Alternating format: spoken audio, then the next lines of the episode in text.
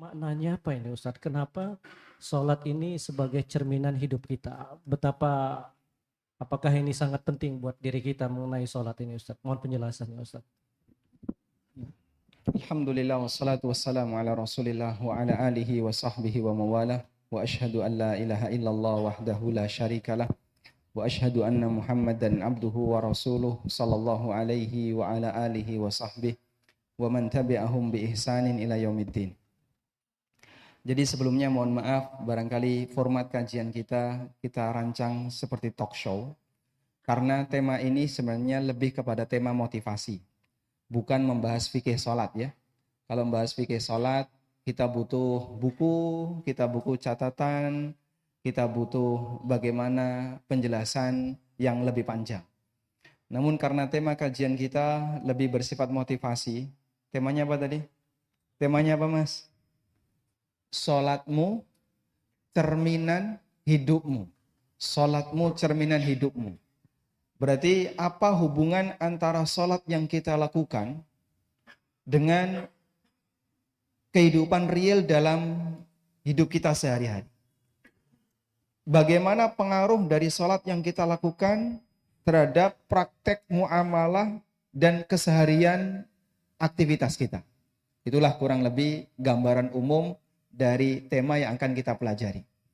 Namun sebelumnya tadi ada pengantar bahwa setiap muslim berhak untuk mengetahui agamanya. Tidak hanya berhak bahkan wajib.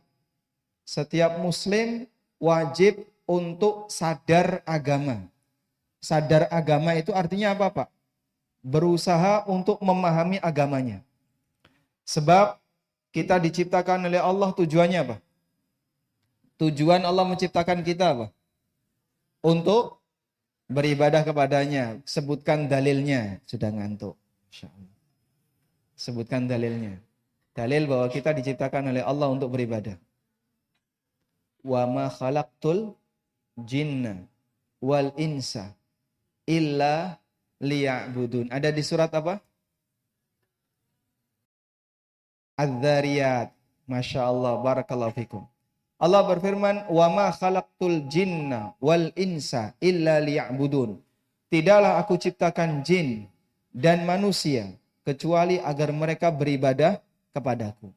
Yang namanya ibadah itu ada panduannya atau boleh sesuka hati? Ada panduannya nggak Pak? Ada panduannya. Kenapa ibadah itu harus ada panduannya? Karena Allah Subhanahu wa taala ketika memberikan perintah kepada hambanya, Allah menghendaki agar perintah itu dilakukan dengan cara tertentu. Tidak boleh sembarangan. Dan yang menjelaskan ini adalah wahyu Allah melalui para nabi yang diutus oleh Allah Subhanahu wa taala. Sehingga ibadah itu ada panduannya. Maka kalau ibadah manusia boleh sesuka hati dia, boleh ibadah sesuai dengan keinginannya, Berarti manusia butuh nabi atau tidak? Manusia butuh nabi atau tidak? Enggak butuh nabi. Adanya nabi bukti bahwasanya manusia butuh penjelasan tentang bagaimana cara beribadah yang benar. Karena Allah berikan tugas kepada kita dan Allah Subhanahu wa taala juga menjelaskan bagaimana cara menjelaskan cara menjalankan tugas itu dengan benar. Maka tidak boleh sembarangan, tidak boleh seenaknya sendiri, tidak boleh kemudian ditambah-tambahi atau dikurangi. Sebab semua itu mengurangi nilai kesempurnaan. Syariat diturunkan oleh Allah sudah sempurna belum? Sudah sempurna belum? Sudah. Apa dalilnya? Apa dalilnya? Kalau syariat sudah sempurna. Nah. Al yauma akmaltu lakum dinakum wa atmamtu alaikum ni'mati waraditu lakum al-islam. Inilah anak muslim. Sebuah prinsip yang kita pegang dan ditanya dalilnya dia bisa mengambil dari Al-Quran. Coba Anda bandingkan dengan agama yang lain. Ketika orang Nasrani ditanya, sebutkan satu pernyataan dalam Injil yang mengatakan bahwa Isa anak Tuhan. Jangankan anaknya, yang tinggal di gereja aja tidak bisa. Yang yang biasa megang Alkitab aja enggak bisa. Karena emang enggak ada. Tapi anak muslim ditanya, Allah la ilaha illallah, satu-satunya Tuhan yang berat disembah, hanya Allah. Sudah? Sebutkan dalilnya. Masya Allah, semua bisa menyebutkan dalilnya. Dan dalilnya dari Al-Quran. Ketika Anda ditanya, Islam sudah sempurna, syariat Islam sempurna, sebutkan dalilnya. Bisa jawab? Bisa jawab, Alhamdulillah. Anak muslim. Belum lagi kalau yang ditanya orang tuanya ya. Hafal Quran, Masya Allah. Hah? Kelewat. Masya Allah. Di luar kepala sampai hilang. Idealnya seorang muslim seperti ini. Kita punya prinsip dan prinsip itu punya landasan. Apa landasannya ada dalam Al-Quran dan hadis Nabi SAW. Bapak kalau ditanya tentang landasan itu nggak boleh nggak hafal. Harus bisa menyebutkan. Sehingga jangan sampai kita hanya beragama ikut-ikutan, tidak tahu bagaimana landasannya. Idealnya seperti tadi ya, paham prinsip dan tahu landasannya. Disuruh menyebutkan, bisa. Baik, Islam agama yang sempurna, dan dalilnya tadi kita sudah mendengarkan, Al-yawma akmaltu lakum dinakum wa atmamtu alaikum ni'mati wa raditu lakumul. Pada hari di mana telah aku sempurnakan agama kalian. Wa atmamtu alaikum ni'mati dan aku sempurnakan nikmatku untuk kalian sesuatu yang sempurna kalau ditambahi semakin bagus atau semakin merusak? Semakin rusak. Sesuatu yang sempurna kalau ditambahi justru bukan semakin memperindah tapi semakin ngerusak. Kita sempurna dengan dikasih dua mata. Ada nggak yang mau ditambahi satu lagi? Boleh angkat tangan. Mas, kalau dikasih satu mata lagi mau nggak? Tidak mau. Kan enak itu. Nanti bisa lihat di belakang. Kayak ada spionnya gitu. Sehingga ketika ditambahi justru semakin merusak. Jangankan ciptaan Allah, apalagi syariat Allah. Kadang buatan manusia saja ketika ditambahi padahal itu sudah sempurna, bukannya semakin memperindah tapi justru semakin merusak. Coba meja ini ya, punya empat kaki di di bawah ditambahi satu kaki di atas, bagus nggak? Bagus kira-kira? Buat pegangan? Merusak. Makanya syariat Allah yang demikian sempurna. Allah nggak ridho ketika syariat seperti ini ditambah-tambahi. Sehingga kenapa ketika kita beribadah harus mengikuti panduan, harus mengikuti sebagaimana ajaran yang diberikan Nabi Shallallahu Alaihi Wasallam. Sebab yang namanya manusia ketika beribadah Allah menghendaki agar dilakukan dengan cara tertentu. Dan untuk bisa mengetahui cara itu, Allah memberikan panduan. Diutuslah Rasul. Kemudian sang Rasul itu diberi wahyu. Lalu wahyu itu dijelaskan kepada umat manusia. Selanjutnya siapa pun yang mengaku sebagai umat sang Nabi ini, wajib untuk mempelajari apa yang diajarkan oleh sang Nabi. Karena untuk apa wahyu itu diturunkan kalau masyarakat tidak mau mempelajarinya? Coba Bapak Ibu bayangkan ya. Anda dikasih petunjuk, tapi petunjuk itu tidak pernah dipelajari. Gimana kira-kira jadinya? Nggak bisa diterapkan. Sehingga setiap muslim kenapa harus belajar? Karena dia punya aturan, aturan itu harus dia ketahui untuk bisa diterapkan dalam kehidupan sehari-hari. Makanya kata Nabi SAW, belajar ilmu agama hukumnya apa? Hukumnya apa? Sebutkan dalilnya. Masya Allah, barakallahu fikum. Tadi salah orang sebenarnya. Yang depannya ini, sebutkan dalilnya. Apa dalil kalau belajar agama wajib? Yang santri. Zaidan, namanya Zaidan. Nah, apa dalil kalau belajar ilmu agama hukumnya wajib? Belum tahu, Masya Allah. Inilah anak muslim, kalau ditanya tidak tahu, jawab nggak tahu ya. Taib, apa dalil kalau belajar ilmu agama hukumnya wajib? Yang santri, yang santri. Mad dalil. Nabi SAW bersabda, Talabul ilmi faridatun ala kulli muslimin. Kalau dalil dari Al-Quran apa? Dalil dari Al-Quran. Ittabi'u ma unzila ilaikum mir rabbikum wala tattabi'u min dunihi aulia. Semua perintah di mana kita disuruh untuk mengikuti Al-Quran itu adalah perintah untuk mempelajarinya. Ittabi'u ma unzila ilaikum min rabbikum. Ikutilah apa yang diturunkan dari Rob kalian kepada kalian. Orang bisa mengikuti ketika kapan? Kalau dia tahu isinya.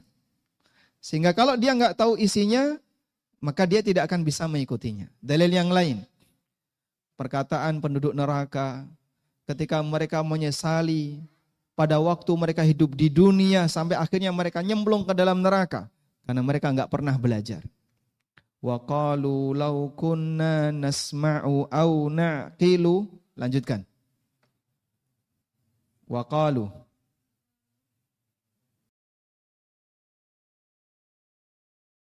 Sudah hafal surat Al-Mulk? Lupa, Masya Allah. Anak muslim seperti ini ya. Masya Allah. Wa qalu law kunna nasma'u aw naqilu. Kelas berapa? Wah, Masya Allah, barakallahu fikum. Wa qalu law kunna nasma'u aw naqilu ma kunna fi ashabis sa'ir. Penduduk neraka mengatakan, andaikan dulu kami mau mendengarkan. Wa qalu law kunna nasma', andaikan dulu kami mau mendengarkan. Au naqil, kami mau menggunakan akal kami untuk memikirkan kebenaran syariat. Ma kunna fi ashabis sa'ir, maka kita tidak akan menjadi penghuni sair penghuni neraka.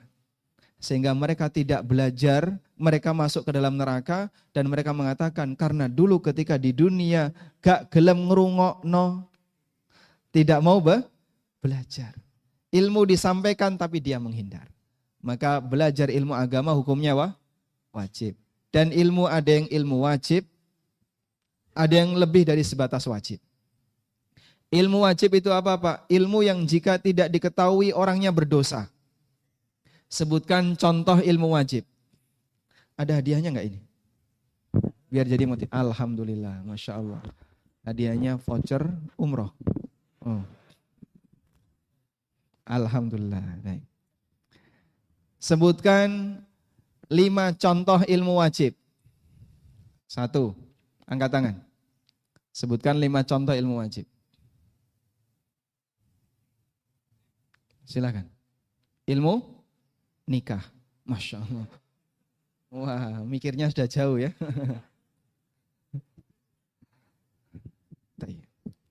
ilmu wajib, contohnya ilmu berkaitan dengan kewajiban kita dalam ibadah.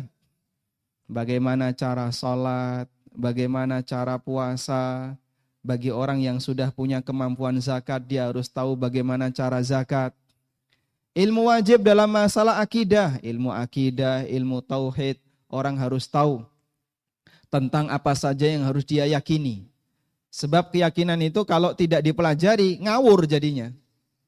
Orang kalau nggak belajar akidah, keyakinannya nggak ngawur. Contoh keyakinan ngawur gimana Pak? Awas ya, nanti kalau kamu keluar rumah, kok ditelai cecek. Tahu ditelai cecek? Ada tiba-tiba cicak yang buang kotoran, kena rambut kita. Wah, ini alamat jelek. Lalu diyakini apa? Tidak boleh melanjutkan perjalanan karena ada pertanda bu, buruk. Apa kaitannya antara cecak buang kotoran dengan tanda buruk? Ada pak? Tidak ada. Orang kalau keyakinan itu tidak dipandu, ngawur nanti. Ada yang meyakini A, ada yang meyakini B, meyakini C. Awas nanti kamu kalau lewat di situ ya, ada pohon beringin kan itu ya. Kalau lewat, ucapkan Assalamualaikum.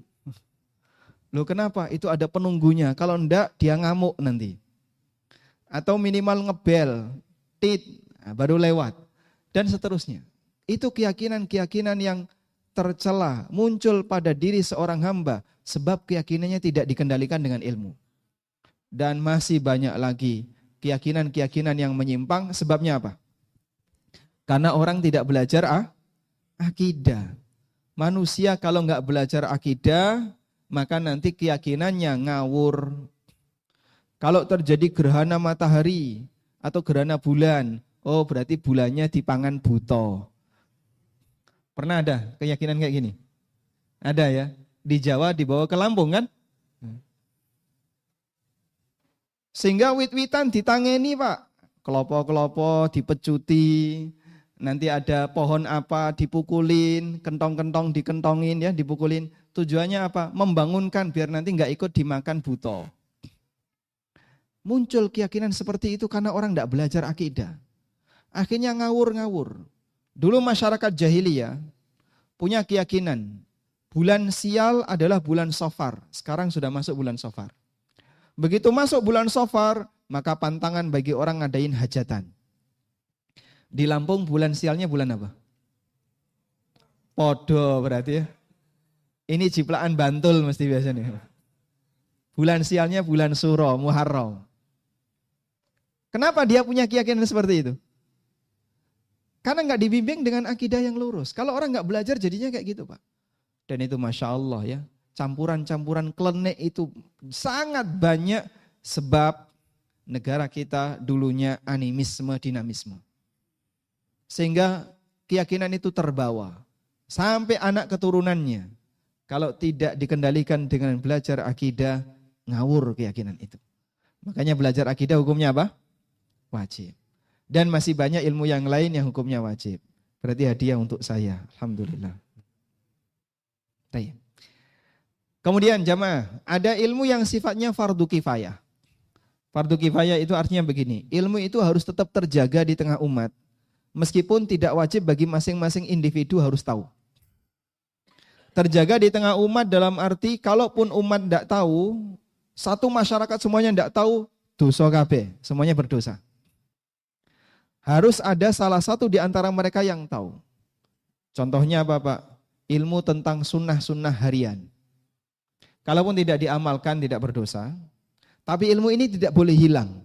Sehingga di tengah umat harus ada yang menjaga. Dan siapa yang menjaga berarti dia berjasa bagi umat. Siapa yang menjaga berarti dia apa? Berjasa bagi umat. Sebab orang yang jaga ini menggugurkan kewajiban seluruh masyarakat. Kalau di masyarakat, di sebuah kampung, datang waktu duhur nggak ada azan. Yang terjadi apa?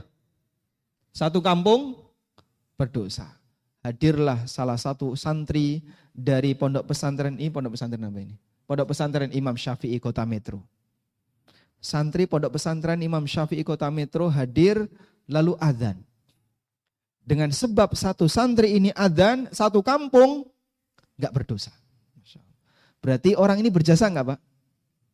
Berjasa. Andaikan dia mogok adzan, saya tidak mau adzan. Satu kampung nggak ada yang mau adzan, berdosa semuanya. Dan satu orang ini yang hadir kemudian dia adzan menjadikan suasana semuanya hilang dosanya. Kelebihan yang diberikan oleh Allah Subhanahu wa taala bagi satu orang yang mengamalkan fardu kifayah. Maka jangan remehkan amalan fardu kifayah. Amalan fardu kifayah berarti dia menjadi manusia yang paling berjasa bagi bagi siapa? Bagi umat. Baik. Nah, selanjutnya berkaitan dengan masalah sholat. Kita beralih ke masalah salat. Salatmu adalah cerminan hidupmu. Karena salat yang dilakukan oleh hamba memberikan pengaruh apa? Salat itu seharusnya memberikan pengaruh apa? Pengaruh hidupnya bisa lebih baik. Pengaruh meninggalkan maksiat. Pengaruh meninggalkan perbuatan keji dan mungkar. Allah Ta'ala berfirman, Salat bisa menghindarkan seorang hamba dari perbuatan keji dan mungkar. Allah berfirman, bagaimana bunyinya? Bagaimana bunyinya? Masya Allah ya. Setelah tolah-tolah dapat jawaban. Inna salata tanha anil fahsyai wal mungkar. Sesungguhnya salat itu bisa mencegah seorang hamba dari perbuatan keji dan mungkar. Salat bisa mencegah seorang hamba dari perbuatan keji dan mungkar. Datang seorang sahabat kepada Nabi SAW.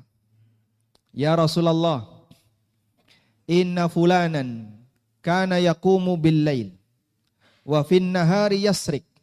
Ya Rasulullah, ada orang namanya fulan. Namanya tidak disebutkan dalam hadis itu. Si fulan ini kalau malam rajin tahajud. Tapi kalau siang maling. Ya. Kalau malam tahajud, kalau siang ngerampok. Subhanallah. Terus bagaimana itu ya Rasulullah? Nabi SAW mengatakan, Saitanhahu ma takul. Satanhahu ma takul. Apa yang kamu ceritakan tadi akan mencegah perbuatan yang dia lakukan. Apa yang kamu ceritakan tadi akan mencegah perbuatan yang kamu yang dia lakukan. Dan ternyata benar. Sahabat ini memang termasuk di antara sahabat yang unik. Rajin ibadah, tapi ketika siang harinya kadang dia mah maling. Santri tidak boleh ngambil barang milik siapa pun. Santri hanya boleh mengambil dan menggunakan barang milik sendiri. Kasus kehilangan di pondok pesantren itu mencoreng muka pesantren. Masa santri yang tiap hari baca Quran, sholat berjamaah, tapi kasus kemalingan banyak. Malingnya siapa? Malingnya siapa? Musrifah. siapa malingnya? Kadang dari santri sendiri, waliyadzubillah. Enggak boleh ya. Sehingga para santri jangan menggunakan barang milik temannya, gunakan barang milik sendiri. Baik. Nabi Shallallahu Alaihi Wasallam ditanya tentang kasus ini. Lalu beliau mengatakan, Satan hahu takul. Apa yang kau ceritakan tadi akan mencegah perbuatan yang dia lakukan. Dan ternyata betul, orang ini rajin salat, rajin ibadah. Dan Allah Subhanahu wa taala memberikan kesempatan dan membuka dia untuk bertaubat. Lalu dia jadi orang baik dan dia tinggalkan kebiasaan jahat seperti suka maling, suka ngerampok dan seterusnya. Itu salah satu di antara pengaruh besar dari ibadah sholat yang dilakukan oleh seorang muslim. Ibadah itu bisa memberikan pengaruh kebaikan dalam kehidupannya sehari-hari. Muncul pertanyaan, tapi Pak, nyatanya banyak orang rajin sholat, tapi juga rajin utang, gak bayar. Ada kayak gitu? Banyak? Orangnya lagi kajian, enggak mas. Ya. Di sini enggak ada ya? Enggak ada.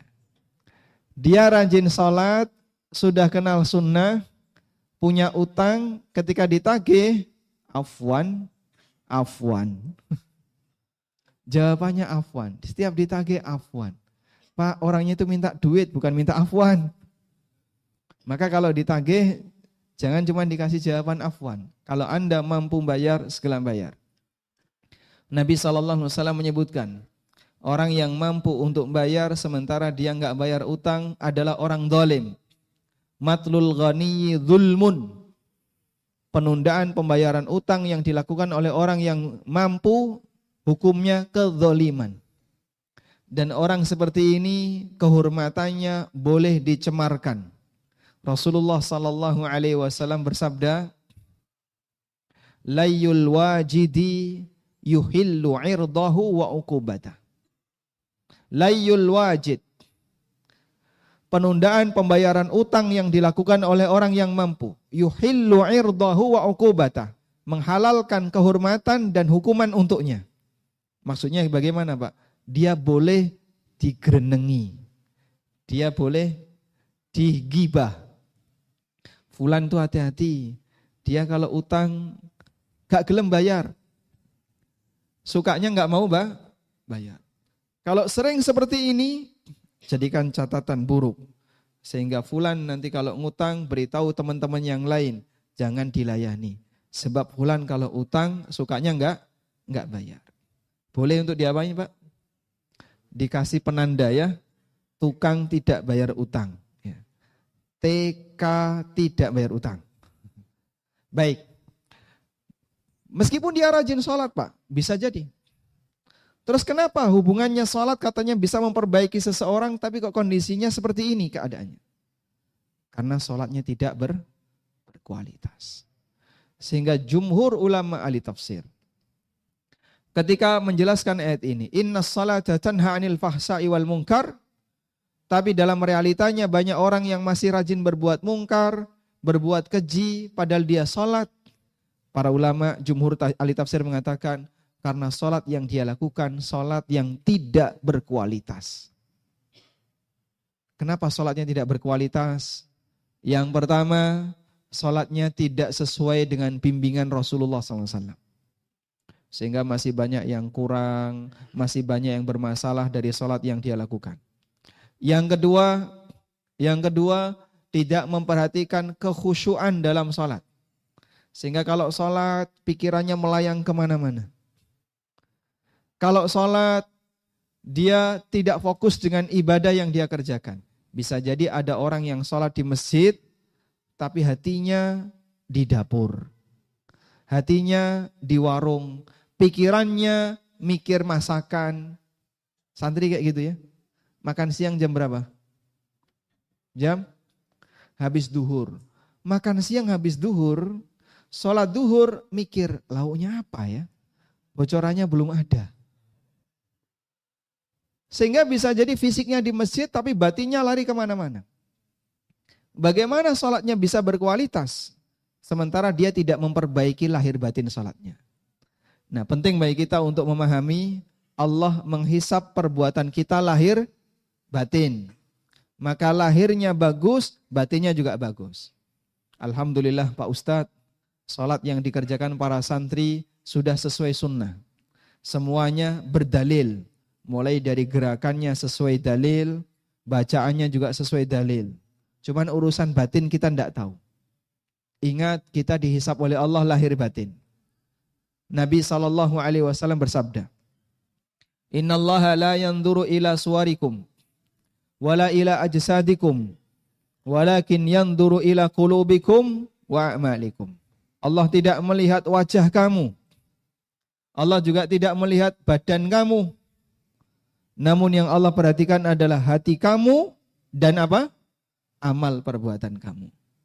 Maka hamba yang amal perbuatannya nggak baik dari sisi lahiriah harus dipelajari bagaimana sunnah Nabi SAW dalam melaksanakannya. Dan di saat yang sama dia juga harus belajar bagaimana memperbaiki hati saat dia beribadah. Belajar untuk ikhlas ketika sholat, belajar tidak riak, termasuk belajar bagaimana khusyuk dalam salat. Alhamdulillah Allah mudahkan bagi kami untuk menulis sebuah buku judulnya Tafsir Salat. Ada yang punya di antara jemaah? Buku ini sudah dibedah di ANB Channel ya. Sudah selesai dibedah di ANB Channel. Buku yang membahas tentang tafsir salat. Memahami salat lahir batin. Bagaimana sih cara khusyuk yang benar dalam salat? Kalau kita membaca subhana rabbiyal azim, apa yang perlu kita renungkan saat kita membaca kalimat itu? Pada waktu kita sujud kita membaca subhana rabbiyal a'la, apa yang perlu kita renungkan saat kita membaca itu? Ini yang perlu kita pelajari agar sholat kita semakin ber, berkualitas. Kalau sholat sudah berkualitas, insya Allah memberikan pengaruh dalam praktek kehidupan sehari-hari orang bisa semakin baik akhlaknya, semakin baik budi pekertinya, disebabkan karena sholatnya sholat yang baik. Wallahu alam. Masya Allah, ini sangat bermanfaat sekali. Udah ya selesai kita ya. Belum Ustaz. Oh belum. Ini pertanyaannya masih banyak ini Ustaz, Masya Allah. Dan hadiahnya juga masih banyak. Baik. Masih kurang ya? Yang semangat dong. Masih kurang nggak? Masya Allah Ustaz, masih semangat Ustaz, Masya Allah. Alhamdulillah. Ustaz, ini pertanyaan yang selanjutnya ini Ustaz. Seperti yang Ustaz sampaikan tadi bahwa dengan kita sholat yang benar bisa mencegah dari perbuatan keji dan mungkar. Dan di dalam sholat ini, di dalam setiap ibadah pasti ada kenikmatannya tersendiri Ustaz. Nah bagaimana cara kita agar dapat mendapatkan kenikmatan di dalam sholat dan kemudian proses apa saja yang harus dilalui dan ciri-ciri hamba Allah sudah dalam tingkat menikmati sholat itu ciri-cirinya seperti apa Ustaz? Masya Allah ya. Ini pertanyaan berat. Cuman seperti inilah kenikmatan yang diberikan oleh Allah kepada sang Nabi Sallallahu Alaihi Wasallam. Nabi Muhammad Sallallahu Alaihi Wasallam puncak kenikmatan beliau diletakkan di mana? Salat. Rasulullah Sallallahu Alaihi Wasallam bersabda, "Wa ju'ilat qurratu aini fis salat." Ketenangan batinku diletakkan oleh Allah Ta'ala dalam salat. Sehingga bagi Nabi Shallallahu Alaihi Wasallam, sholat itu sumber ketenangan, sumber kenikmatan. Beda dengan kita. Kalau kita sholat, mikir kapan salam. Sehingga orang sholat taraweh, baru pertama takbiratul ikhram, rokaat pertama sholat taraweh yang dipikir kapan salam sholat witir. Karena bagi kita ibadah ini kadang seperti beban. Sehingga saat kita melakukannya terasa berat sekali. Rasanya kok kapan pingin cepat selesai. Kita tidak bisa menikmatinya. Coba kita bandingkan ya. Cara manusia dalam menikmati kenikmatan dengan cara Nabi SAW dalam merasakan kenikmatan. Umumnya manusia dia bisa menikmati kenikmatan yang sifatnya fisik. Contohnya makan enak. Contohnya bermain bersama teman-temannya. Contoh yang lain, fasilitas-fasilitas hidup. Umumnya kita hanya bisa merasakan kenikmatan yang sifatnya apa? Fisik. Kenikmatan makanan, kenikmatan uh, dunia, kenikmatan harta, dan seterusnya. Padahal kenikmatan seperti ini Pak, kemampuan kita dalam merasakannya itu sangat terbatas. Maksudnya terbatas gimana Pak? Kita tidak akan bisa menikmati dunia itu selama hidup kita. Ada waktu di mana kita sudah nggak bisa lagi menikmatinya. Contohnya, ada orang dikasih daging nggak doyan, masya Allah. Kenapa kok nggak doyan? Nah, itu salah satu kenikmatan yang dicabut oleh Allah Taala. Untune udah hilang gerahamnya sudah mulai hilang, nggak bisa dipakai ngunyah. Ada orang yang ketika dikasih berbagai macam makanan yang enak, dia itu takut. Wah ini pantangan bagi saya. Ini tidak boleh, ini tidak boleh, tidak boleh. Kolesterol, darah tinggi, asam urat, jantung, ginjal, Masya Allah. Kabeh pantangan Pak. Duit banyak bisa dipakai untuk beli banyak makanan, tapi dia nggak bisa menikmatinya. Allah cabut sebagian kenikmatan itu. Kemarin ada nggak yang kena COVID? Ada? Baik. Nggak doyan makan? Nggak doyan makan. Padahal masih muda. Sangat sederhana. Hanya dengan satu penyakit yang namanya COVID, orang sudah nggak doyan dengan makanan. Padahal tetangga-tetangga yang ngantar makanan banyak. Waktu saya kena COVID itu Masya Allah banyak tetangga yang ngantar makanan. Nganggur itu Pak. Ini mau dimakan gimana? Ngelihat aja udah nggak selera. Kalau sehat, kita bisa berselera untuk makan. Begitu sakit, satu sakit aja. Makanan itu sudah nggak selera.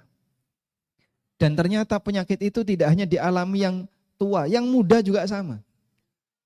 Belum lagi ketika orang sudah mendapatkan pantangan yang lain. Ada orang yang kaya, tapi dia nggak bisa menikmati hartanya. Kenapa? Pusing kalau naik kendaraan diajak jalan-jalan. Aduh gimana jalan-jalan ya. Saya naik mobil, begitu naik sudah mabuk. Dia punya mobil mewah tapi nggak bisa menaikinya.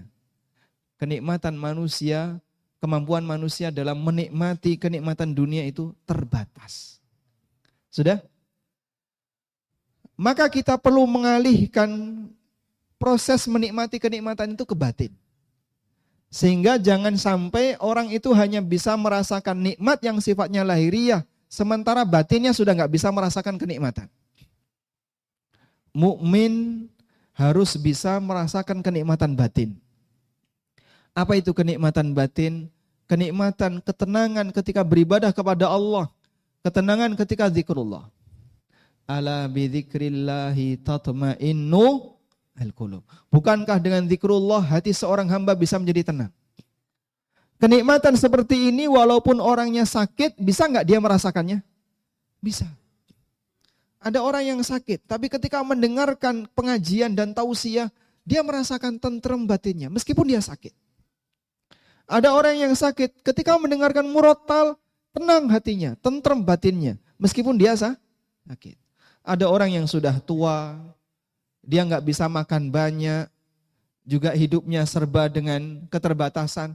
Tapi ketika mendengarkan Al-Quran dibaca, beliau bisa menikmatinya. Itulah kenikmatan batin. Kenikmatan batin seperti ini, kenikmatan yang diberikan oleh Allah kepada sang Nabi Sallallahu Alaihi Wasallam. Mulai berlatih, memindahkan kenikmatan fisik ke kenikmatan batin. Karena kalau tidak, ada waktunya kita terlambat. Sudah tua, baru mulai terasa. Mas, mangan sudah nggak enak, jalan sudah harus dipapa, mau ke toilet khawatir kepleset, mau ngapa-ngapain nggak nyaman, kenikmatan fisiknya sudah dicabut oleh Allah, padahal orangnya masih hidup. Orangnya masih hidup. Dan bisa jadi hartanya banyak, tapi dia nggak bisa menikmatinya. Kalau dia tidak pernah merasakan kenikmatan batin waktu muda, ketika di usia tua seperti ini dia akan nggak bisa merasakannya. Maka kita perlu belajar mengalihkan kenikmatan fisik ke kenikmatan batin. Caranya gimana? Caranya gimana? Kita jadikan zikrullah sebagai kenikmatan bagi hati kita.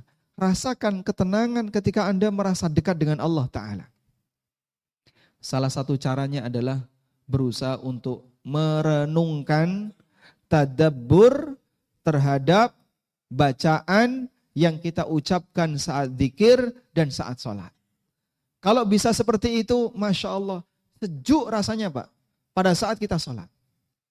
Anda membaca Al-Fatihah sambil merenungkan maknanya. Anda membaca surat-surat tertentu sambil merenungkan maknanya. Orang nangis itu bahagia nggak? Orang nangis itu bahagia nggak? Ada kebahagiaan tersendiri yang dirasakan oleh orang yang nangis saat dia membaca Al-Quran. Betul Pak? Betul ya? Padahal dia nangis. Karena dia bisa merasakan kenikmatan batin dengan ayat Al-Quran yang dia baca. Seperti ini jamaah perlu kita latih. Jangan hanya mengambil kenikmatan yang sifatnya fisik saja, perlu kita latihan kenikmatan batin. Dilatih dengan cara berusaha beribadah kepada Allah dengan serius, renungkan setiap bacaan yang kita ucapkan. Jadi kata kuncinya untuk bisa menikmati salat, kita harus merenungkan setiap gerakan dan bacaan dalam sholat. Kalau sudah bisa seperti ini, insya Allah kita akan bisa merasakan nikmatnya so, sholat. Tapi kalau isi sholat kita tidak bisa merasakan nikmatnya, maka sholat itu seperti beban. Contoh sederhana. Anda merasa sholat itu seperti tenang sekali saat imamnya siapa? Saat imamnya siapa? Yang suaranya merdu pak. Yang enak didengerin. Sehingga saat kita mendengarkan suaranya rasanya seperti di Masjidil Haram. Rasanya seperti di Masjid Nabawi. Suaranya bagus, sound systemnya bagus, terdengar indah. Meskipun gak ngerti, saya sudah nangis, dia ikut nangis. Padahal gak ngerti. Saya sudah berdoa. Lalu beliau nangis. Jamaah dari Indonesia ikut nangis. Kenapa Pak nangis? Ya pokoknya ikut-ikutan nangis. Padahal dia nggak ngerti. Dan setelah dia nangis, rasanya plong. Gitu. Nikmat dia. Itulah kenikmatan batin yang diberikan oleh Allah bagi sebagian hambanya. Cuman kalau bisa merasakan seperti ini harus nunggu sholat di Masjidil Haram dan sholat di Masjid Nabawi, modalnya besar. Berarti harus kita pindah itu suasana di Masjidil Haram dan Masjid Nabawi kita pindah ke Lampung. Kita pindah ke Indonesia. Bisakah kita merasakan suasana yang sama sementara posisi Anda di Indonesia? Bisa Pak. Di mana? Di Masjid Imam Syafi'i. Karena imamnya merdu, enak didengerin. Tapi Bapak kalau ke Masjid Imam Syafi'i harus pakai kendaraan. Yang di masjid dekat aja. Tidak bisa Pak, imamnya fales. Apakah harus bergantung pada imam? Apakah harus bergantung pada imam? Tidak. Kalau Anda sholat sendiri bisa nggak merasakan seperti itu? Bagi mereka yang paham Al-Quran, bisa tadabur Al-Quran, bisa dia rasakan kayak gitu Pak. Cuman ini butuh latihan panjang. Harus ngerti makna dari Al-Quran yang dia dia baca. Anda ketika sholat sunnah para ulama membolehkan sholat sunnah sambil membawa mus mushaf. Biar tidak monoton yang dibaca hanya juz amma saja, sesekali yang dibaca surat-surat yang lain. Senang dengan surat apa? Saya senang dengan surat Ar-Rahman. Kalau saya mendengar fabi ayyi ala rabbikuma tukadziban. Ngerti kan artinya ya? Paham ya? Rasanya hati saya gemetar Pak Ustaz. Masya Allah. Baik, Bapak Qiyamul Lail. Hafal surat Ar-Rahman? Nah itu sayangnya ndak hafal. Ndak apa-apa, buka mushaf surat Ar-Rahman. Anda Qiyamul Lail, buka surat Ar-Rahman. Baca surat Ar-Rahman. Ar-Rahman, Allamal Quran, Khalaqal Insan. Sampai di sini insya Allah masih hafal, masih bisa mengikuti terjemahannya sambil direnungkan. Subhanallah betapa mulianya sifat-sifat Allah yang disebutkan di surat Ar-Rahman. Begitu sudah masuk fabi ayyi ala rabbikuma tukadziban. Anda baca sambil bawa mushaf mungkin sambil nangis. Itu tahap demi tahap kenikmatan batin kita latih untuk bisa demikian. Alhamdulillah sudah ngerti artinya. Modal utama untuk berlatih merasakan kenikmatan batin saat membaca kalamullah Bayangkan Allah berada di hadapan Anda. Dan kita sedang membaca firman-Nya. Dan dia menyaksikan apa pun yang kita lakukan, baik lahiriah maupun batin. Sehingga hati ini akan terbawa hanyut dengan bacaan Quran yang kita sendiri membacanya, tidak harus mengandalkan imam yang lain. Sehingga nangis bukan karena kemerduan suara, tapi nangis karena merenungkan isi bacaannya. Itulah kenikmatan batin yang bisa kita rasakan ketika sholat. Rasanya betah sekali dalam sholat meskipun berdiri lama Pak. Karena dia bisa merasakan kenikmatan bah, batin. Insya Allah bisa dicoba seperti ini jamaah. Bisa dicoba? Baik, yang nggak punya mushaf gimana Pak? Masuk mushaf nggak punya. Di sini ada dua ini ya. Gratis nanti bagi yang dapat hadiah. Di HP ada nggak Qurannya? Di HP ada Qurannya? Saya biasanya pakai ini. Ya. Kemudian dibaca sambil sholat. Sudah begitu selesai sekian ayat bisa dimatikan, masukkan ke kantong, lanjutkan ruku, iktidal, sujud, nanti bangkit lagi, bisa dibuka lagi. Selesai sekian ayat bisa dibaca. Terus seperti itu sambil coba kita renungkan ayat-ayat yang kita baca. Maka sekali waktu sebelum Anda membaca surat, baca dulu terjemahannya. Tapi di luar sholat ya, Jangan pas sholat, di luar sholat. Anda baca dulu terjemahannya. Sudah? Setelah baca terjemahannya, praktekkan dalam sholat yang sudah dipelajari tadi. Insya Allah bagi mereka yang serius merenungkan, Allah anugerahkan ketenangan batin disebabkan karena dia membaca kalam kalamullah. Itulah yang menjadikan sang Nabi Sallallahu Alaihi Wasallam ketika beliau sholat, beliau merasakan ketenangan batin wa ju'ilat qurratu aini fis salah. Dan Allah jadikan ketenangan batinku dalam salat. Punya masalah salat. Karena Nabi sallallahu alaihi wasallam idza jadzabahu amrun salat. Nabi sallallahu alaihi wasallam kalau sedang menghadapi masalah besar, yang beliau lakukan apa? Yang beliau lakukan apa? Makanya orang kalau stres harusnya ngapain? Ke warung kopi. Itu gaya Lampung. Orang stres di tempat kita kan rata-rata kalau nggak mancing ke warung kopi, sepedaan, ke tempat hiburan. Pak, salah tempat ini. Harusnya kalau stres ngapain kita Pak? Ngapain? Sholat. Sehingga dengan sholat itu akan mengembalikan kekuatan mental. Beban-beban batin rontok satu demi satu. Kita menenangkan batin. Karena stres itu kalau keterusan bahaya. Bisa sampai bikin orang jadi jadi apa Pak? Hilang akal Pak, bahaya. Makanya cara untuk mengendalikannya segera lakukan salat. Wallahu a'lam. Masya Allah.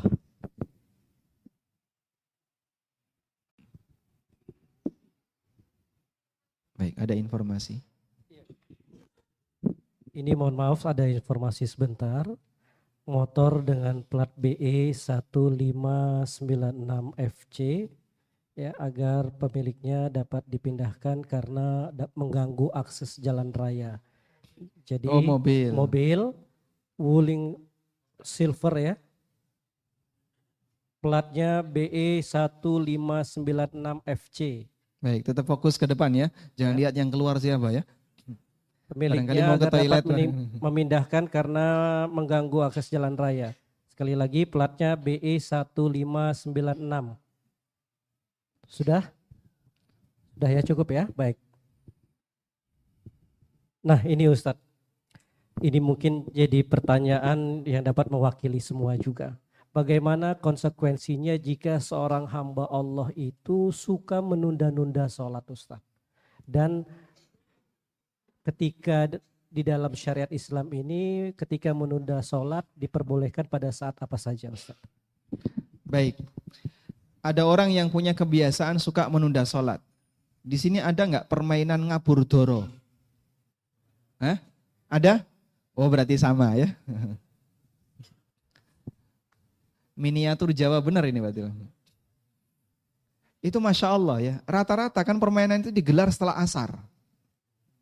Dan yang ikut belum sholat. Selesainya kapan? 5 menit sebelum maghrib. Terus sholat asarnya gimana? Ya sesempatnya Pak. Tayyib. Allah Ta'ala berfirman. Tentang kebiasaan buruk yang dilakukan oleh manusia karena mereka meremehkan salatnya. Fawailun lil musallin. Alladzina hum alladzina hum fi salatihim atau an salatihim. Alladzina hum fi salatihim atau an salatihim. An salatihim sahun. Celakalah orang yang salat. Alladzina hum an salatihim sahun yaitu orang yang melalaikan sholatnya. Sebagian ulama mengatakan, Ma suci zat yang berfirman alladzina hum an salatihim sahun walam yakul alladzina hum fi salatihim sahun. Kalau kalimat ayatnya alladzina hum fi salatihim sahun, kita semuanya berdosa. Tapi kalimat ayatnya alladzina hum an salatihim sahun. Bedanya apa, Pak? Kalau kalimatnya alladzina hum fi salatihim sahun, artinya adalah orang yang lupa di dalam sholat. Pernah nggak kita lupa dalam sholat? Sering. Sehingga kadang kita sholat, lupa jumlah rokaat, lupa kadang nggak sujud, kadang ada yang lupa Al-Fatihah. Coba, Masya Allah. Sampai Fatihah lo lupa. Saking parahnya lupanya. Nah kalau lupa seperti ini berdosa atau tidak? Lupa jumlah rokaat itu berdosa atau tidak? Dosa atau tidak? Tidak. Kenapa tidak, Pak? Nabi SAW pernah mengalaminya. Rasulullah SAW pernah mengalaminya. Agar menjadi contoh bagi masyarakat. Bagaimana jika terjadi kelupaan dalam sholat. Nah lupa dalam sholat itu namanya sahafis salat. Dan Allah tidak berfirman alladzina hum fi salatihim sahun. Namun kalau alladzina hum an salatihim sahun, maknanya adalah orang yang melalaikan salatnya. Dan bentuk melalaikan salat ada banyak macam. Ada yang bentuknya tidak mau belajar bagaimana cara salat yang benar. Sehingga salatnya dibiarkan salah, dibiarkan keliru, dan dia tidak mau sadar dengan kesalahan yang dia lakukan. Ini contoh yang pertama. Ada juga orang yang dia tidak sadar dengan kesalahan sholat dia karena dia tidak tumak nina. Sehingga ketika sholat terlalu cepat. Waktu sholat tidak terlalu cepat. Dan termasuk di antaranya adalah orang yang sholat tapi dia tidak memperhatikan waktunya. Suka mengakhirkan sholat. Nabi SAW bersabda, Tilka sholatul munafikin Lihatlah salatnya orang munafik. Yajlisu yarqubus syamsa. Nyantai-nyantai, duduk-duduk, main-main sambil melihat gerakan matahari. Sehingga lihat, oh masih tinggi, nanti dulu. Lihat baru jam 5, baru setengah 6, maghrib kan jam 6. Oh baru jam 5, kurang, jam, jam 6 kurang seperempat. Sampai ketika hatta idha kana, idha kanati syamsu baina karnai syaitan. Sampai ketika posisi matahari sudah berada di dua tanduk setan, artinya apa? Artinya apa? Mendekati teng tenggelam. Berada di dua tanduk setan maksudnya mendekati tenggelam. Nakoro arbaan, dia mematuk empat kali. Mematuk empat kali kenapa? Gerakannya cepat. Sehingga dia mendapatkan rekor muri sholat tercepat se-Indonesia. Dibanggakan nggak kayak gitu? Sebagian masjid dibanggakan. Sholat kami Pak teraweh 23 rakaat 5 menit pletas. Subhanallah. Apa yang perlu dibanggakan? Ini sholat yang disebut oleh Nabi SAW seperti ayam mema matu. Culat, culit, culat, culit. Subhanallah. Saking cepatnya saat dia membaca Al-Fatihah, yang terdengar cuma dua kata. Bismillahirrahmanirrahim, dolin. Yang terdengar Bismillahirrahmanirrahim, dolin. Bismillahirrahmanirrahim, dolin. Dolin itu artinya apa? Yang terdengar cuma itu tok. Subhanallah, ini sholat apa-apaan? Seharusnya yang seperti ini ditinggalkan seorang yang mukmin beriman kepada Allah dan hari akhir. Karena dia akan dihisap oleh Allah dengan sholat yang dia kerjakan. Nggak boleh dibuat mainan kayak gini. Alhamdulillah, ahlu sunnah wal jamaah paling menjaga sholatnya. Kita memperbaiki akidah dan kita memperbaiki sholat. Maka dalam sholat yang kita kerjakan, perlu diperhatikan bagaimana agar jangan sampai waktunya terlalaikan. Bagi orang yang suka melalaikan waktu sholat, dosa besar. Disebut oleh Nabi SAW sebagai sholatnya siapa tadi? Munafik. Tilka sholatul munafik. Itulah sholatnya munafik, sholatnya munafik yang dia suka menunda-nunda sholat. Baik. Apa ada kondisi tertentu kita boleh menunda sholat? Kita boleh menunda sholat hanya karena satu alasan terpaksa. Yaitu dorurat. Kapan Pak dorurat boleh menunda sholat? Ketika kita tidak memungkinkan untuk melaksanakan sholat tepat waktu atau di awal waktu. Atau sholat di akhir waktu lebih sempurna gerakannya daripada di awal waktu. Contoh, ada orang naik kereta. Di sini ada kereta? Ada ya? Ada orang naik kereta. Dia naik sebelum duhur. Dan tiba di stasiun tujuan jam 5 setelah asar. Naik sebelum duhur, tiba di stasiun tujuan jam 5 setelah asar. Berarti nabrak berapa waktu sholat? Duhur dan asar. Maghrib jam setengah 6. Tiba di stasiun tujuan jam 5 setelah asar. Maghrib setengah 6. Sehingga begitu tiba di stasiun tujuan, dia punya waktu setengah jam untuk sholat. Ada pilihan di sini. Milih mana? Sholat duhur asar di atas kereta, karena tidak ada gerbong musola, sehingga dia hanya bisa sholat di kursi. Otomatis karena sholatnya hanya bisa di kursi, nggak bisa berdiri, nggak bisa ruku, nggak bisa sujud, dan nggak bisa gerakan-gerakan yang lain. Sudah? Tapi tepat waktu. Duhur dikerjakan waktu duhur, asar dikerjakan waktu asar. Pilihan yang kedua. Tunggu sampai nanti tiba di stasiun tujuan. Lalu segera ke musola, terus sholat duhur dan asar jamak kosor boleh sesuai dengan status dia apakah musafir atau bukan. Sudah? Dan sholatnya di mana? Di musola stasiun. Baik, dari dua pilihan ini yang terbaik yang mana? Yang pertama atau yang kedua? Yang menjawab pertama, angkat tangan. Masya. Jumhur santri menjawab pertama ya. Yang menjawab pilihan yang kedua. Loh kok sama? Yang menjawab pilihan kedua. Coba angkat tangan, angkat tangan. Yang menjawab pilihan yang kedua. Baik. Saya tanya ya. Bapak yang belakang angkat tangan, alasannya apa Pak? Kok milih yang kedua?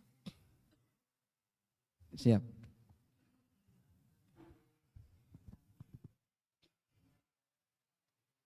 Lebih bisa khusyuk. Mana yang lebih diperhatikan, tepat waktu atau kesempurnaan gerakan?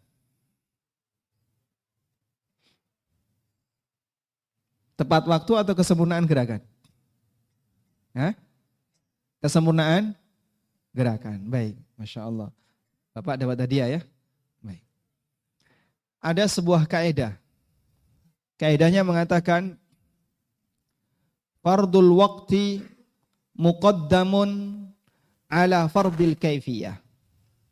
Dalam masalah ibadah salat, fardul uh, saya ulang ya. Dalam masalah ibadah salat ada kaidah. Fardul kaifiyah muqaddamun ala fardil waqti. Memperhatikan kesempurnaan salat lebih didahulukan daripada memperhatikan ketepatan waktu. Saya ulang. Memperhatikan kesempurnaan salat lebih didahulukan daripada memperhatikan ketepatan waktu. Sehingga lebih baik telat tapi sempurna, bisa berdiri, bisa rukuk, bisa sujud. Daripada tepat waktu tapi tidak sempurna. Memperhatikan kesempurnaan sholat lebih didahulukan daripada memperhatikan ketepatan waktu. Apa dalilnya? Silakan moderator menjawab. Diberi kesempatan yang lain dulu. Ustaz. Oh begitu, Masya Allah. Moderator yang baik hati ya. Apa dalilnya? Bahwa memperhatikan kesempurnaan gerakan lebih didahulukan daripada memperhatikan ketepatan waktu. Apa dalilnya? Silahkan. Bahasa Indonesia boleh.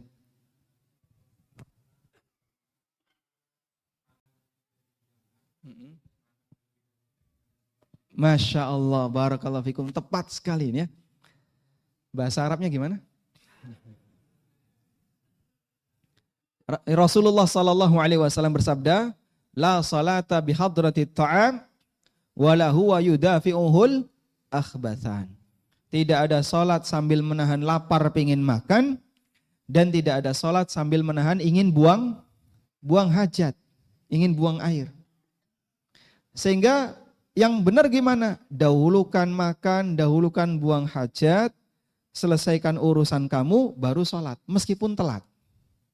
Contoh, di sini subuh jam berapa? Empat? Empat? Kok ini beda hisap gimana ini? jam empat berapa? Subuh. Empat empat lima ya. Empat empat lima. Empat empat lima masuk subuh. Sudah? Syuruk Syuruk jam berapa? Jam 6. Anggap misalnya jam 6. Syuruk jam 6, subuh 4.45. Ada orang telat bangun. Bangun-bangun jam setengah 6. Atau jam 6 kurang 15 menit. Begitu dia bangun jam setengah 6. Sudah? Padahal dia bangun, pengen ke toilet dulu. Bongkar muatan dulu. Ya. Dia kebelet pengen ke toilet. Sudah pilihannya. Kalau dia ke toilet, sholatnya mepet. Sehingga mungkin tinggal 10 menit suruh. Sudah, tapi dia ke toilet. Atau dia langsung sholat dalam posisi menahan ingin ke toilet. Langsung dia wudhu, sudah. Kemudian ditahan sekuat tenaga. Sholat subuh, tapi sambil kondisi menahan ingin buang-buang. Pilih yang mana? Pertama atau kedua? Pertama atau kedua? Pertama. Kenapa pilih yang pertama? Agar sholatnya bisa lebih khusyuk. Sehingga tidak mikir yang lain. Makanya antara makan dengan sholat dahulukan mana? Dahulukan mana? Sholat ya. Masa dahulukan makan? Hah? Antara sholat dan makan dahulukan mana? Dahulukan sholat.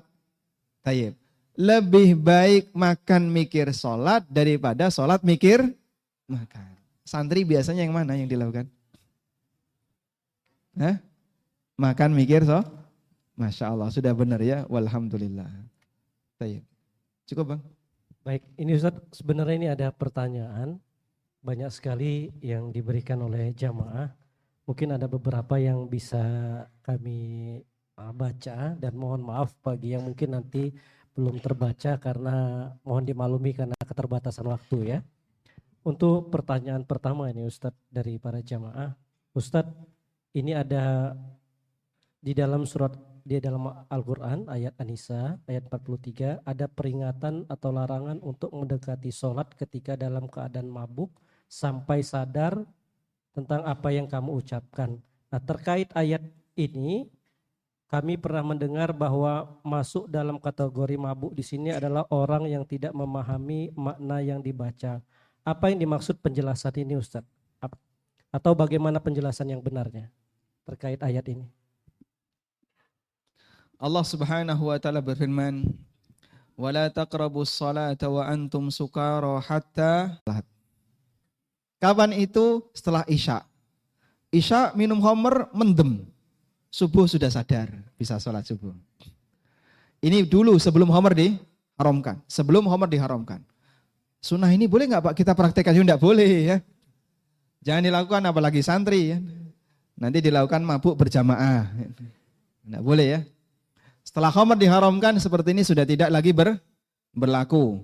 Sehingga tidak boleh minum khamar sama sekali walaupun hanya walaupun hanya setetes.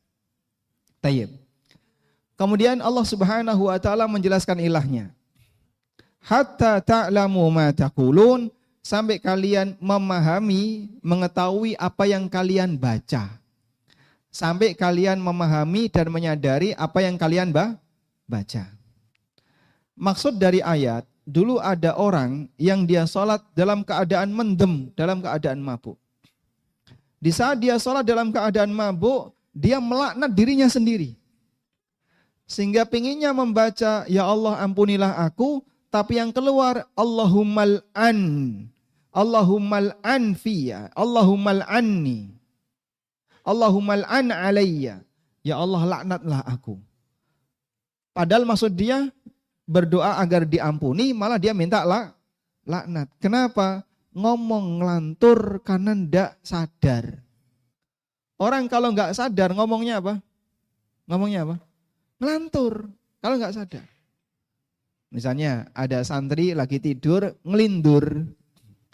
Ketika ngelindur ditanya, sudah jawab dia, tapi jawabnya apa? Ngawur. Kenapa? Ngelindur. Paham di sini? Dalam kondisi mabuk dulu seperti itu. Sehingga dia membaca Quran salah-salah ya. Saat dia membaca Al-Fatihah, Alhamdulillahi Rabbil Alamin, Iyaka na'budu wa iyaka nasta'in, Ar-Rahmanir Rahim, salah-salah dia. Baca kuliah ya ayyuhal kafirun, la a'dubudu ma ta'budun, gak tekan-tekan guri ya. Gak sampai belakang, mubeng aja. Karena orangnya mabuk. Maka turun ayat yang melarang seperti ini, agar dia tidak ngelantur ketika membaca. Nah, kemudian yang jadi pertanyaan, apakah termasuk juga orang yang membaca Al-Quran tapi dia nggak paham tentang maknanya? Jawabannya tidak termasuk. Meskipun ada sebagian ulama yang ngambil ibroh, mohon diperhatikan. Ada sebagian ulama yang ngambil ibroh, ngambil pelajaran.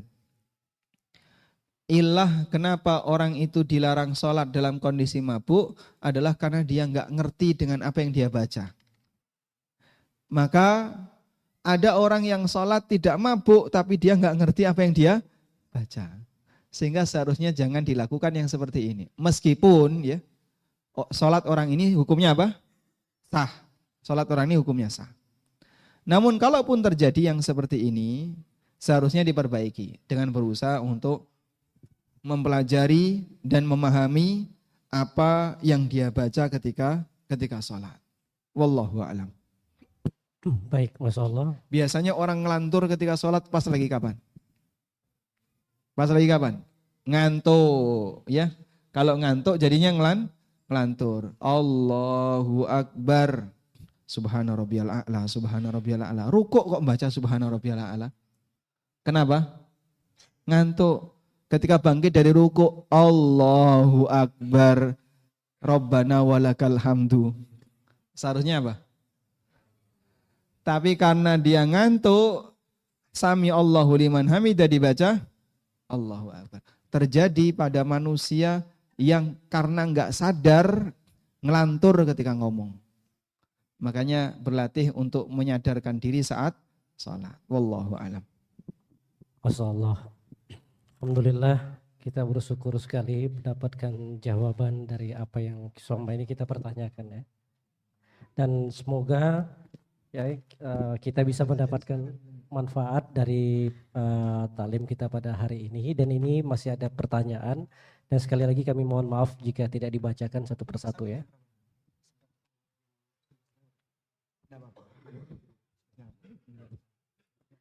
Iya, Mungkin ini ada pertanyaan ini Ustadz.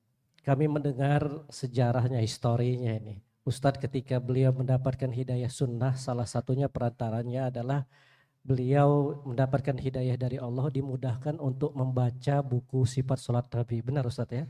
Nah ini ketika Ustadz membaca sifat sholat Nabi, ini apa hikmah yang didapat ketika Ustadz membaca buku sholat Nabi ini Ustadz? Karya Syekh Al-Bani. Masya Allah. Tahu dari mana? Kalau bahasa anak-anak sini yang nggak kenal Ustadz Aminur Bait, sejarahnya nggak gaul katanya. Masya Allah. La haula wa la quwata illa billah. Baik, saya sempat menuliskan itu dalam sebuah artikel ya, agar menjadi motivasi bagi kaum muslimin yang lain akan besarnya jasa penulis kitab sifat sholat Nabi SAW. Karena ternyata ada banyak sekali kaum muslimin yang memiliki kesadaran beragama.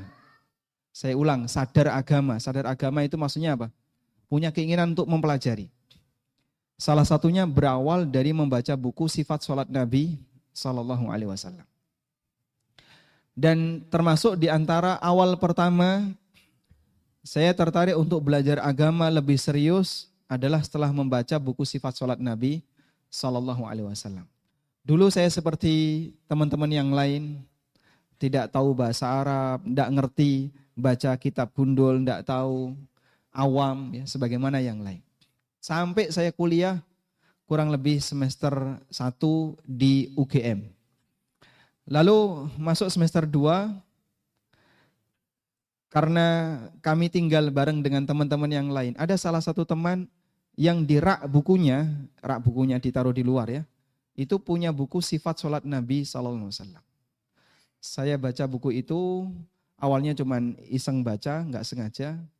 Lalu ketika membaca tertarik untuk membacanya lebih detail. Jadi dibaca, semuanya dibaca, utuh dibaca. Kemudian sampai footnote-nya aja disuruh baca. Jadi footnote-nya juga saya baca. Setelah membaca itu, saya merasa ada banyak hal yang perlu saya perbaiki dari sholat yang harus saya lakukan. Bagaimana cara takbiratul ikhram yang benar, angkat tangan yang benar ketika takbiratul ikhram, bagaimana cara sedekap yang benar, cara rukuk yang benar, bacaan rukuk yang benar dan seterusnya. Ada banyak hal yang baru yang sebelumnya sama sekali tidak kita ketahui. Tentang aneka doa iftitah. Ada banyak redaksi doa iftitah yang sebenarnya semuanya sesuai sunnah Nabi Sallallahu Alaihi Wasallam. Tapi kita ngertinya kadang cuma satu. Allahumma ba'id baini wa baina khataya ya kama ba'atta bainal masyriqi wal maghrib. Oh ini berarti sekolah di Muhammadiyah. Yang satunya ngertinya cuman Allahu Akbar kabira walhamdulillahi kathira. Ini sekolah di Al-Ma'arif. Gitu Pak ya. Dikotomi terjadi karena masalah kurikulum pendidikan. Dan itu dibawa dari kecil sampai gede. Sehingga orang ngertinya kayak gitu. Ketika saya membaca buku itu tercerahkan, alhamdulillah. Berarti semuanya benar. Lalu kenapa selama ini kita gontok-gontokan antara at-tahiyatulillah dengan at-tahiyatul mubarakatuh salawatu thayyibatulillah. Yang satu at-tahiyatulillah wassalawatu wat thayyibat. Yang satu at-tahiyatul mubarakatuh salawatu thayyibatulillah. Wong dua-duanya sesuai sun sunnah. Yang satu tasyahudnya Ibnu Mas'ud, yang satu tasyahudnya Ibnu Abbas. Dan dua-duanya bersumber dari Nabi SAW. Tapi orang kadang tegang, gara-gara ketika dia sholat, mendengar sampingnya baca tasyahud tidak sesuai dengan redaksi yang dia baca. Sehingga saat dia mendengar sampingnya, At-tahiyatulillah wa salawatu wa. Oh pinggirku Muhammadiyah. Subhanallah. Padahal dua-duanya sunnah Nabi Sallallahu Alaihi Wasallam. Dan sejak saat itu punya keinginan, saya jadi punya keinginan untuk belajar lebih serius tentang masalah agama. Lalu berusaha untuk berlatih bisa membaca kitab gundul. Dulu yang saya lakukan seperti ini ya. Jadi ini kitabnya ulama yang berbahasa Arab ada di depan, sebelahnya kamus. Sebelahnya kamus. Ini buku dibaca pelan-pelan ya. Tidak bisa, nggak tahu maknanya, lihat kamus. Terus dioret-oret artinya. Terus seperti itu. Jadi cuman memindahkan ini. Ini bunyi di kamus apa, saya pindahkan di sini. Sambil ngasih harokat, sambil terjemahannya dan nanti distorkan kepada guru Al-Ustadz Aris Munandar hafizahullah taala wa Dari kebiasaan itu alhamdulillah kurang lebih setahun Allah mudahkan bagi kami bisa membaca kitab gundul. Pengembangan berikutnya adalah berlatih menerjemahkan. Dan itu tugas yang diberikan oleh guru kami Al-Ustadz Aris Munandar. Beliau ngasih tema, kamu buat tulisan seperti ini, buat terjemahan seperti ini. Kita kerjakan dan beliau kasih koreksi. Berlatih seperti itu terus, Alhamdulillah kita jadi sering melakukan itu. Dan manusia terhitung sebagai orang yang ekspor. Kita dulu dikasih dikasih doktrin ya. Kamu kalau jadi orang jangan setengah-setengah Pak. Jangan setengah-setengah. Jadi itu yang serius. Untuk bisa ekspor butuh 10 ribu jam. Untuk bisa ekspor butuh waktu berapa? 10 ribu jam. 10 ribu jam ekspor. Ahli di bidang itu. 10 ribu jam itu kira-kira berapa lama? 10 tahun. 10 ribu jam itu kurang lebih 10 tahun. Fokus di bidang tertentu selama 10 tahun ahli di bidang itu. Berawal dari modal yang ada, dengan bisa belajar bahasa Arab, bisa baca Arab, lalu dikembangkan dengan belajar terus-terus. Alhamdulillah Allah mudahkan untuk sambil uh, menulis-menulis sedikit, barangkali masyarakat bisa mendapatkan ya sedikit tambahan berbagi apa yang kita ketahui kepada mereka. Dan dari situlah kemudian kita punya semangat untuk melakukan sholat dengan benar. Sehingga gerakan-gerakannya itu menyesuaikan sebagaimana yang sudah kita pelajari. Silahkan Bapak Ibu bisa buktikan ya. Insya Allah semoga Anda merasakan yang sama. Beli buku sifat sholat Nabi SAW. Ada yang punya nggak buku ini? Yang punya angkat tangan. Sedikit yang punya. Kalau bisa satu rumah satu buku ini. Kalau bisa dalam setiap rumah ada buku ini. Sehingga Bapak punya buku ini nanti anaknya nikah pisah rumah, dia harus punya buku ini. Buku ini panduan yang harus ada di setiap rumah kaum muslimin. Mengajarkan tentang bagaimana cara sholat sesuai sunnah Nabi SAW agar sholat kita berdalil. Sholat kalau berdalil, suasananya jadi apa? Lebih khusyuk, lebih serius dalam mengerjakannya. Wallahu a'lam. Alhamdulillah, jazakallah khairan Ustaz. Satu lagi boleh. Iya Ustaz, ini ada Ya Ustaz, masih zuhur masih lama waktunya Ustaz. Hmm. Masih ada waktu 30 menit lagi ya. Yang pertanyaan ini Ustaz, tadi ketika Ustaz menyampaikan tentang kisah Ustaz membaca buku uh, sifat sholat Nabi tadi sehingga mempengaruhi hidup Ustaz. Nah ini ada hamba Allah mungkin termasuk anak sendiri Ustaz berapa kali belajar tapi sedikit sekali yang berpengaruh dalam diri Artinya apakah ini karena mungkin kurang seriusnya menuntut ilmu atau sungguh-sungguh mendengar kajian dan sebagainya. Bagaimana tipsnya Ustadz? Setelah sekian kali kita ikut kajian, setelah kali sekian kali berpuluh-puluh kali kita ikut mendengarkan khutbah Jumat, bagaimana ilmu yang masuk itu dapat mempengaruhi diri kita sehingga kita mendapat cerminan hidup yang baik Ustaz. Tipsnya. Masya Allah, baik. Tayyip. Cita-cita para santri apa? Cita-citanya apa? Pengen jadi apa mas? Polisi, Masya Allah. Catat ya. Tadi ada Pak polisi di belakang. Nanti bisa dimasukkan ini. Pengen jadi apa? Presiden. Masya Allah. Coba di antara santri, Anda nggak yang punya cita-cita jadi petani? Tidak ada ya. Lambat laun Pak, petani itu punah di Indonesia Pak. Realita di dunia pendidikan, tidak ada satupun anak yang punya cita-cita jadi petani. Saya pernah dapat cerita, ada salah satu anak SD, ditanya cita-citanya jadi apa? Jadi petani, dimarahi sama gurunya. Loh apa haknya guru memarahi dia punya cita-cita? Petani itu tercela nggak? Hah? Tidak, Masya Allah. Tayyip.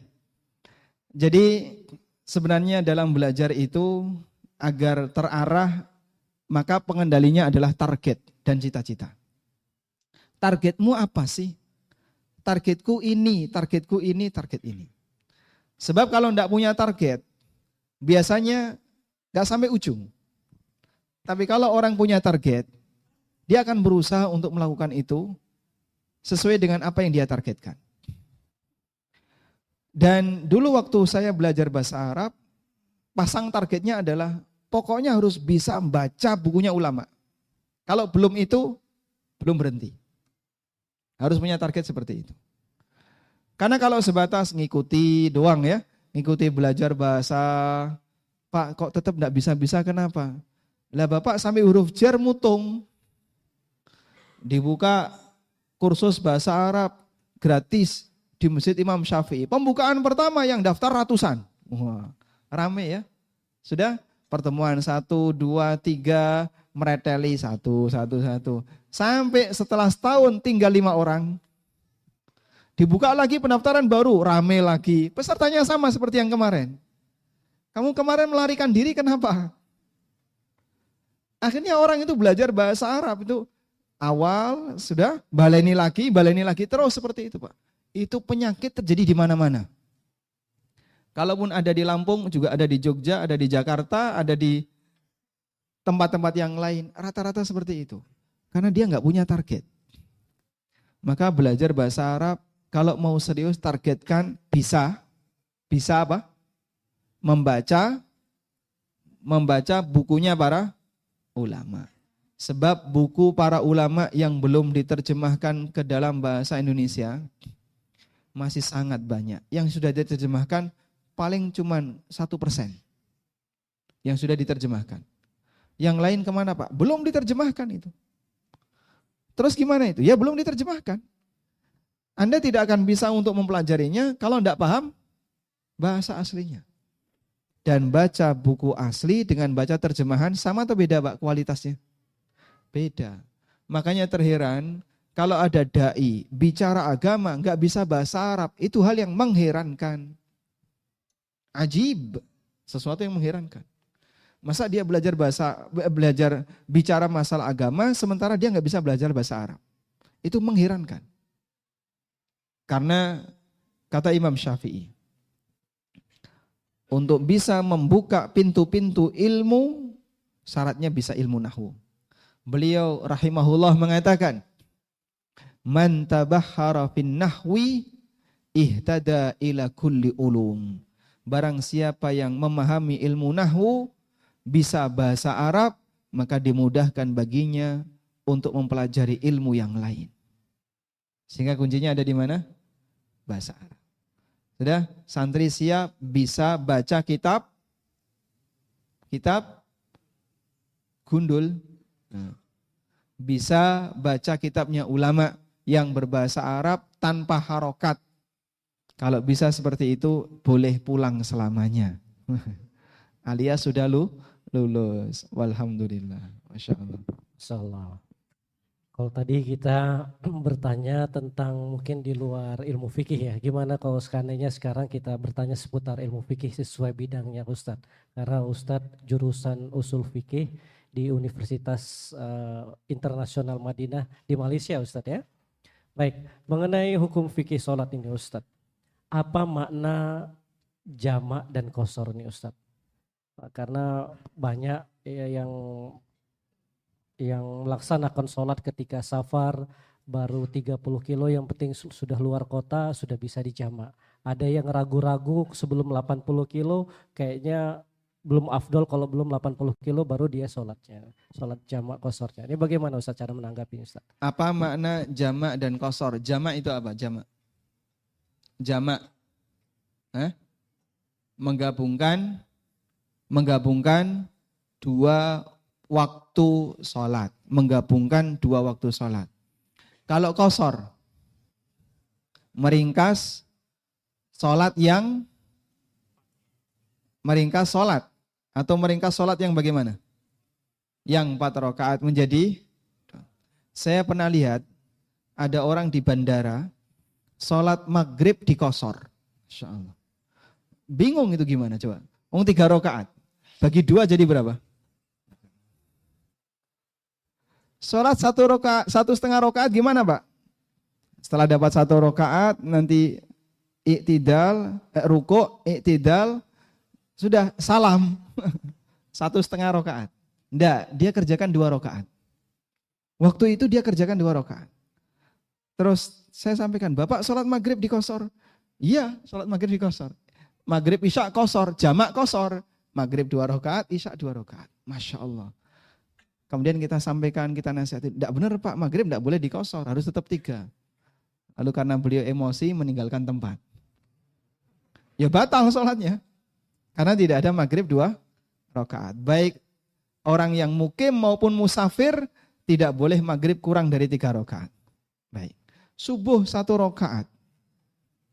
Ini sholat orang yang lupa ya. Dan harus ditambahi satu rakaat. Tayyib. Sekarang kita lanjutkan. Jamak dengan kosor apa latar belakangnya? Latar belakangnya kalau jamak karena kebutuhan. Jamak dilakukan karena karena kebutuhan. Dan yang namanya kebutuhan itu bisa terjadi pada orang yang mukim maupun musafir. Berarti mukim bisa jamak Pak? Bisa. Contohnya apa? Saya butuh untuk jamak sebab saya sibuk. Atau karena saya sakit. Misalnya, Bapak sakit lalu istirahat di rumah. Pingin agar nanti tidurnya lebih panjang. Begitu masuk maghrib, langsung sholat maghrib, isya tidur. Sudah? Seperti ini boleh atau tidak? Boleh kalau dia butuh. Sebab jamak itu diperbolehkan ketika orang bu butuh. Ibnu Abbas bercerita. Karena Nabi sallallahu alaihi wasallam jama'a baina dhuhri wal asr wal maghribi wal isya min ghairi safarin wala matarin wala khaufin. Nabi Shallallahu Alaihi Wasallam pernah menjamak di kota Madinah bukan karena safar, duhur dengan asar, maghrib dengan isya. Bukan karena safar, bukan karena hujan, dan bukan karena ada suasana yang menakutkan.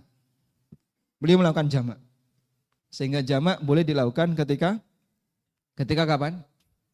Ketika mukim, meskipun tidak safar. Maka Ibnu Abbas ditanya, Walimada, kenapa beliau jamak? Jawab Ibnu Abbas, kaila yuharrija ummata. Karena beliau tidak ingin memberatkan umatnya. Ada satu uzur yang tidak diceritakan dengan detail Ibnu Abbas, namun beliau sebutkan uzur umum karena Rasulullah SAW tidak ingin memberatkan umatnya. Maka beliau melakukan apa? Jamak ketika di Madinah. Baik. Sedangkan kosor, kosor itu identik dengan safar. Maka siapa yang safar boleh kosor. Tapi kalau nggak safar nggak boleh kok kosor. Meskipun sakit.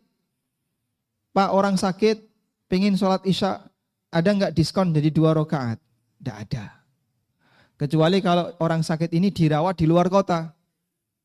Orang Lampung ketika sakit dirawat di rumah sakit Palembang. Nah itu boleh. Dia kosor. Karena dia musafir dan sekaligus sakit. Maka nanti boleh jamak kosor, jamak kosor terus. Karena dia musafir. Sehingga orang yang sedang dalam kondisi safar boleh kosor, tapi kalau nggak safar nggak boleh kosor. Sudah? Kemudian, berarti bisa nggak jamak dengan kosor digabungkan? Bisa. Ketika dia safar dan dia butuh. Safar dan butuh. Maka dia jamak dan sekaligus dikosor. Kalau nggak butuh, nggak perlu jamak. Contoh, orang tinggal di hotel. Hotelnya dekat dengan masjid. Sholat lima waktu bisa dilakukan di masjid. Dan dia nggak ada kegiatan apa pun selain cuma nunggu di hotel. Sehingga setiap sholat lima waktu dia datang ke masjid. Perlu nggak orang ini jamak? Perlu jamak enggak? Enggak perlu. Kita melakukan itu ketika kapan? Kita melakukan seperti ini ketika kapan? Di Masjidil Haram, di Masjid Nabawi, orang Indonesia umroh musafir semua itu. Ada nggak orang Indonesia yang ketika di Masjid Nabawi terus jamak kosor? Enggak. Dia duhur, sholat, pulang balik ke hotel, makan, tidur, adan asar, datang lagi ke masjid, sholat, balik lagi ke hotel, dan begitu seterusnya. Kan kayak gitu ya? Itu yang dilakukan oleh jamaah umroh. Sehingga di sana kegiatannya makan, tidur, ibadah. Cuman itu saja. Dan itu tidak perlu jamak lain ketika sudah di perjalanan. Sehingga kalau tidak butuh, meskipun musafir, tidak perlu jah, jamak. Mafhum insya Allah? Alhamdulillah. Masya Allah, Alhamdulillah. Ini pertanyaan dari kita sudah cukup sampai di sini. Kemudian Sesi selanjutnya pertanyaan dari Ustadz yang bisa menjawab mendapatkan hadiah. Silakan. Saya bertanya, Anda menjawab. Sebutkan, ini selain santri yang jawab ya. Selain santri, santri dilarang angkat tangan. Masya Allah. Sebutkan dalil bahwa Islam agama yang sempurna. Santri atau ustadz? Oh santri. Silakan. Allah berfirman.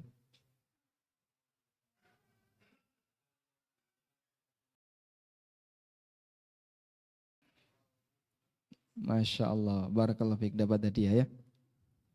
Baik. Sebutkan dalil bahwa sebutkan dalil bahwa sholat bisa mempengaruhi hidup seseorang. Baik. Mana yang duluan tadi? Silakan. Inna salata tanha anil fahsya'i wal munkar. Tapi kenapa ada orang yang sholat dan kemungkarannya tidak berubah? Sholatnya enggak? Enggak khusyuk, tidak berkualitas sholatnya. Barakallahu fikum. Baik. Hadiah selanjutnya. Wah, salah ngambilnya. Masya Allah. Ini mushaf ya. Baik. Untuk santri ya. Boleh? Untuk santri. Santri siap? Siap. Nah. Pertanyaannya. Pertanyaannya. Sebutkan dalil ancaman orang yang menunda sholat. Siapa duluan tadi? Hah? Namanya siapa? Mandala, putra petir. Oh Gundala. Silakan.